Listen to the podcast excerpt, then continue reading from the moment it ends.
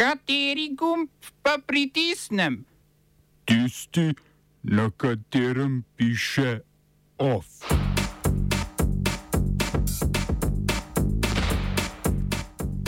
ExxonMobil zaradi davka na fosilno energijo toži Evropski svet. Programski svet RTV Slovenija na zadnje sprejel programsko-produkcijski načrt. Nova odpuščanja pri časniku večer. V kulturnih novicah prvi rojstni dan založbe Črna skrinjica.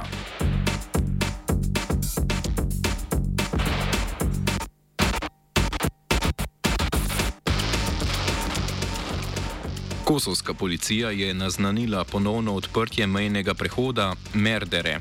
Glavni mejni prehod s Srbijo so odprli po obljubi srpskega predsednika Aleksandra Vučiča, da bodo umaknili šest cestnih barikad, ki so jih v zadnjih treh tednih postavili Srbi na severu Kosova. Po Vučičevi izjavi z včerajšnje tiskovne konference naj bi jih odstranili v roku 24 ali pa 48 ur. Dva tovornjaka, ki sta bila del barikade v bližini mesta Zvečan, sta danes po noči sicer zagorela, ni znano, kdo jo je zažgal. Kot je dejal Vučić, bodo barikade odstranili, ker so bile tri zahteve srpskih protestnikov izpolnjene. Kosovski državni tožilec je tako že zaprosil za premestitev nekdanjega srpskega policista Dejana Pantiča iz zapora v hišni pripor. NATO-va misija Kosovo Force, krajše KFOR, je poleg tega dala zagotovilo, da bodo kosovske varnostne sile na sever Kosova lahko napotene le z odobritvijo KFOR-a. Kosovski Srbi so namreč zahtevali umik vseh kosovskih enot z dolgocevnim orožjem in, in oklepnih vozil. Kosovska vlada je Srbom zagotovila še, da nihče ne bo preganjan zaradi mirnih protestov in barikad na severu Kosova.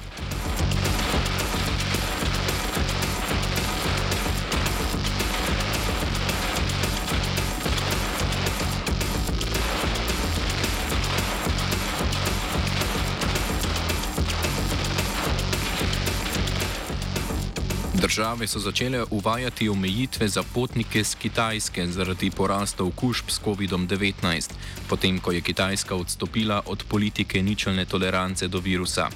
Italija, Japonska, Tajvan in Združene države Amerike bodo, bodo z začetkom novega leta uvedle obvezno testiranje na COVID za potnike z Kitajske. Vsi letalski potniki, stari dve leti ali več, bodo morali dva dni pred odhodom z Kitajske pridobiti negativen izvid testa.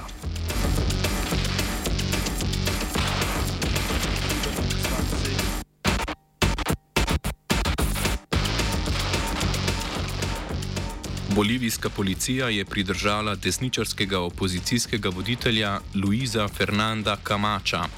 Leta 2020 je Kamača, Kamačo neuspešno kandidiral za predsednika, trenutno pa je guverner najbogatejše province Santa Cruz.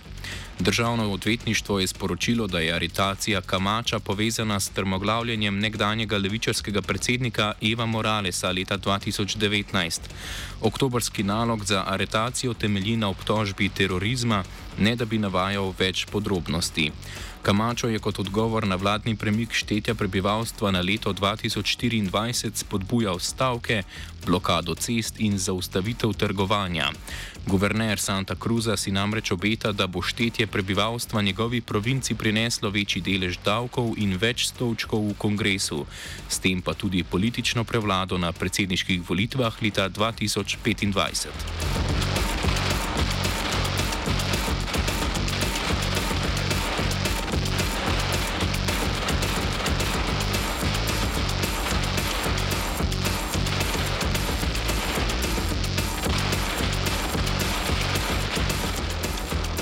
Brazilsko vrhovno sodišče je prepovedalo nošnjo streljnega orožja v okrožju prestolnice do inauguracije Lule de Silva za novega predsednika.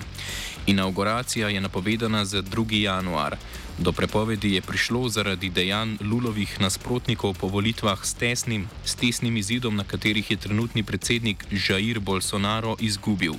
Njegovi privrženci od 12. decembra napadajo policijske urade, eden je bil tudi pridržan zaradi poskusa podtaknitve bombe.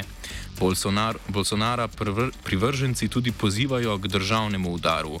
Bolsonarova politika rahljanja zakonov o orožju je od leta 2019 kar za šestkrat povečala število registriranih lastnikov orožja.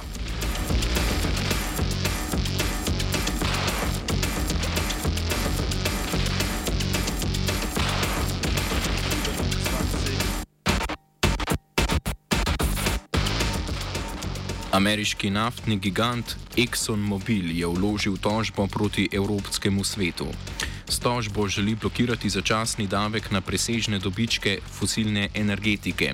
Podjetje zatrjuje, da gre za davek, ki, ki ga lahko uvedejo samo posamezne države članice, Evropska komisija pa naj bi iz odločanja po izrednem postopku protipravno izključila tudi Evropski parlament.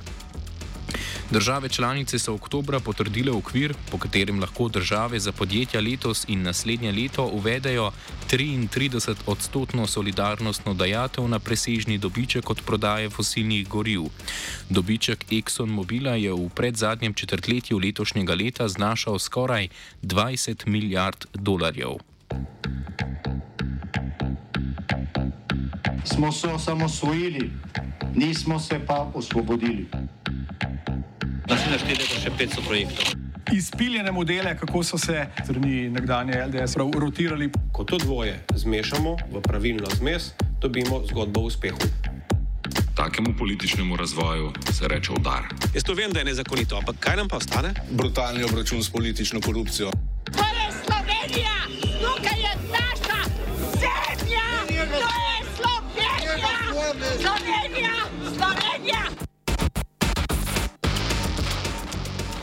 Poslovodstvo medijske hiše Večer je na seji sveta delavcev potrdilo namero po odpuščanju zaposlenih. Med bodočimi odpuščenimi je pet novinarjev iz uredništva.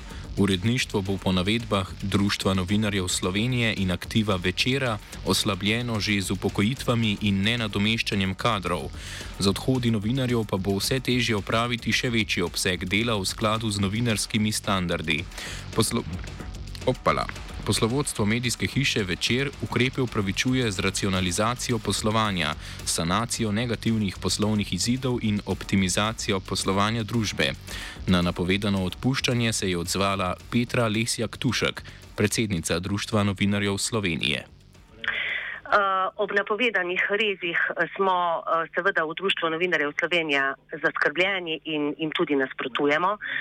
Mi menimo, da je odpuščanje novinarjev nespremljiv ukrep, predvsem pa se nam zdi kratkoročen in kratkoviden. Eh, menimo namreč, da lahko eh, poseže, preveč poseže v verodostojne vsebine, v to eh, substanco večera, ki jo ima vsa leta, ko je veljal in še velja za kredibilen časopis. In zato smo se tudi oglasili, ker um, menimo, da bi morali tako lastniki kot poslovodstvo svoje odločitve bolje premisliti, tudi z vidika nekega širšega učinka. Torej, mi bi vsekakor pričakovali, da vse prej kot v stroške dela poskušajo uh, sanirati poslovanje na drug način, uh, kajti v preteklosti smo na večeru uh, tudi že uh, pomagali sanirati družbo uh, in ob vseh lasniških spremembah, ki vsekakor tudi niso bile uprit, uh, smo pravzaprav ugotavljali, da so bili pogosto delavci tisti, ki so že nosili uh, predvsej visoko breme. Lesja Ktušek smo vprašali tudi po mnenju o strategiji medijskega mogotca Martina Odlaska, ki je večer v svojo medijsko hobotnico vključil lanskega septembra. Torej, trg tiskanih medijev se je v zadnjem obdobju uh, precej koncentriral. Uh, skratka, odlaskova skupina ima v lasti uh, precej tiskanih medijev, kar je po naši oceni tudi uh, v veliki meri prispevalo do določene mere do ho homogenizacije vsebin. Uh, in uh, seveda vsa krčanja uh, so uh, s tem in na ta način tudi povezana. Je pa težav, tis težave tiskanih medijev so seveda širše uh, in pričakovati je uh, tudi v manjših medijih, uh, kjer uh, nekako odpuščanja potekajo ali pa rezi potekajo veliko bolj nekje v ozadju, v tišini, da pač bo uh, nekih krčen uh, v prihodnje še več. Uh, mi smo se v Društvu novinarjev Slovenije v tem obdobju, zlasti letos, ukvarjali z razmerami v javnem servisu, torej z ohranitvijo avtonomije javne RTV, še predtem tudi z ohranitvijo in z obstankom Slovenske tiskovne agencije. Te težave tiska pa so bile nekako v ozadju, kar pa ne pomeni, da jih ni bilo. Mi mislimo, da bi pač uh, nekako lastnik moral premisliti tudi nek uh, širši položaj, uh, zlasti večera, neko svojo jasno umestitev večera v razvojni strategiji in nekih sinergijah poiskati znotraj svojega sistema, ne pa nekako iskati ukrepe tudi v delih, kjer um, bi lahko prihajalo do oslabitve profesionalnega jedra.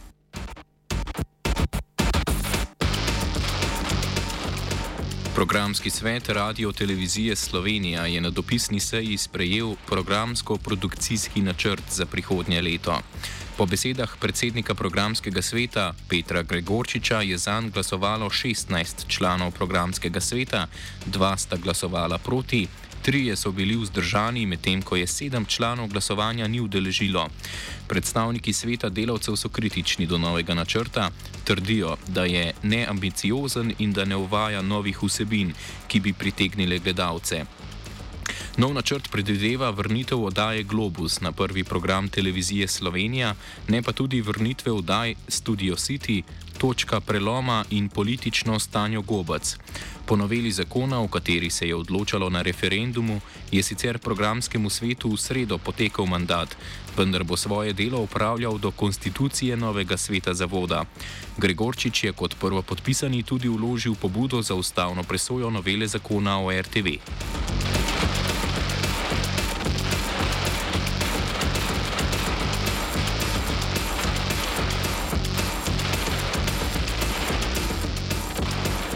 Sodišče je v reviziji devetih odločitev Višjega delovnega sodišča v Kopru odločilo, da tožniki lahko uveljavljajo obstoj delovnega razmerja pri Luki Kopr. Delavci so delali prek izvajalcev pristaniških storitev krajše IPS, ki jih je Luka Koper v letu 2019 začela ukinjati. Više delovno sodišče v Kopru je sprva odločilo, da delavci, ki so delali prek IPS-ov, ne morejo zahtevati zaposlitve v Luki Koper in povrnitve razlike v plačah. Vrhovno sodišče pa je v reviziji odločilo, da delavci od datuma prenehanja pogodbe o zaposlitvi pri IPS-ov utemeljeno uveljavljajo obstoj delovnega razmerja pri Luki Koper. Vrhovno sodišče je spoznalo, da so delavci po pogodbah IPS-a opravljali enako delo, kakor redno zaposleni pri Luki. Zato je tudi za nekdanje IPS-ovce odgovorna Luka Kopar.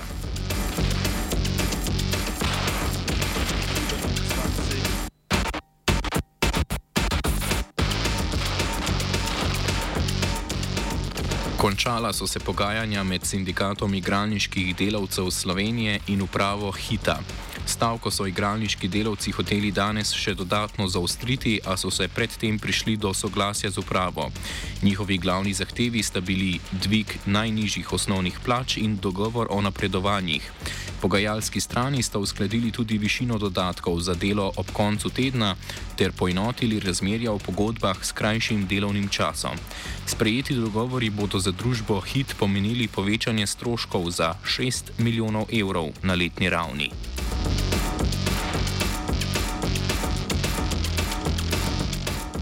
OF je pripravil vajenec Andraš, mentoriral je Pero.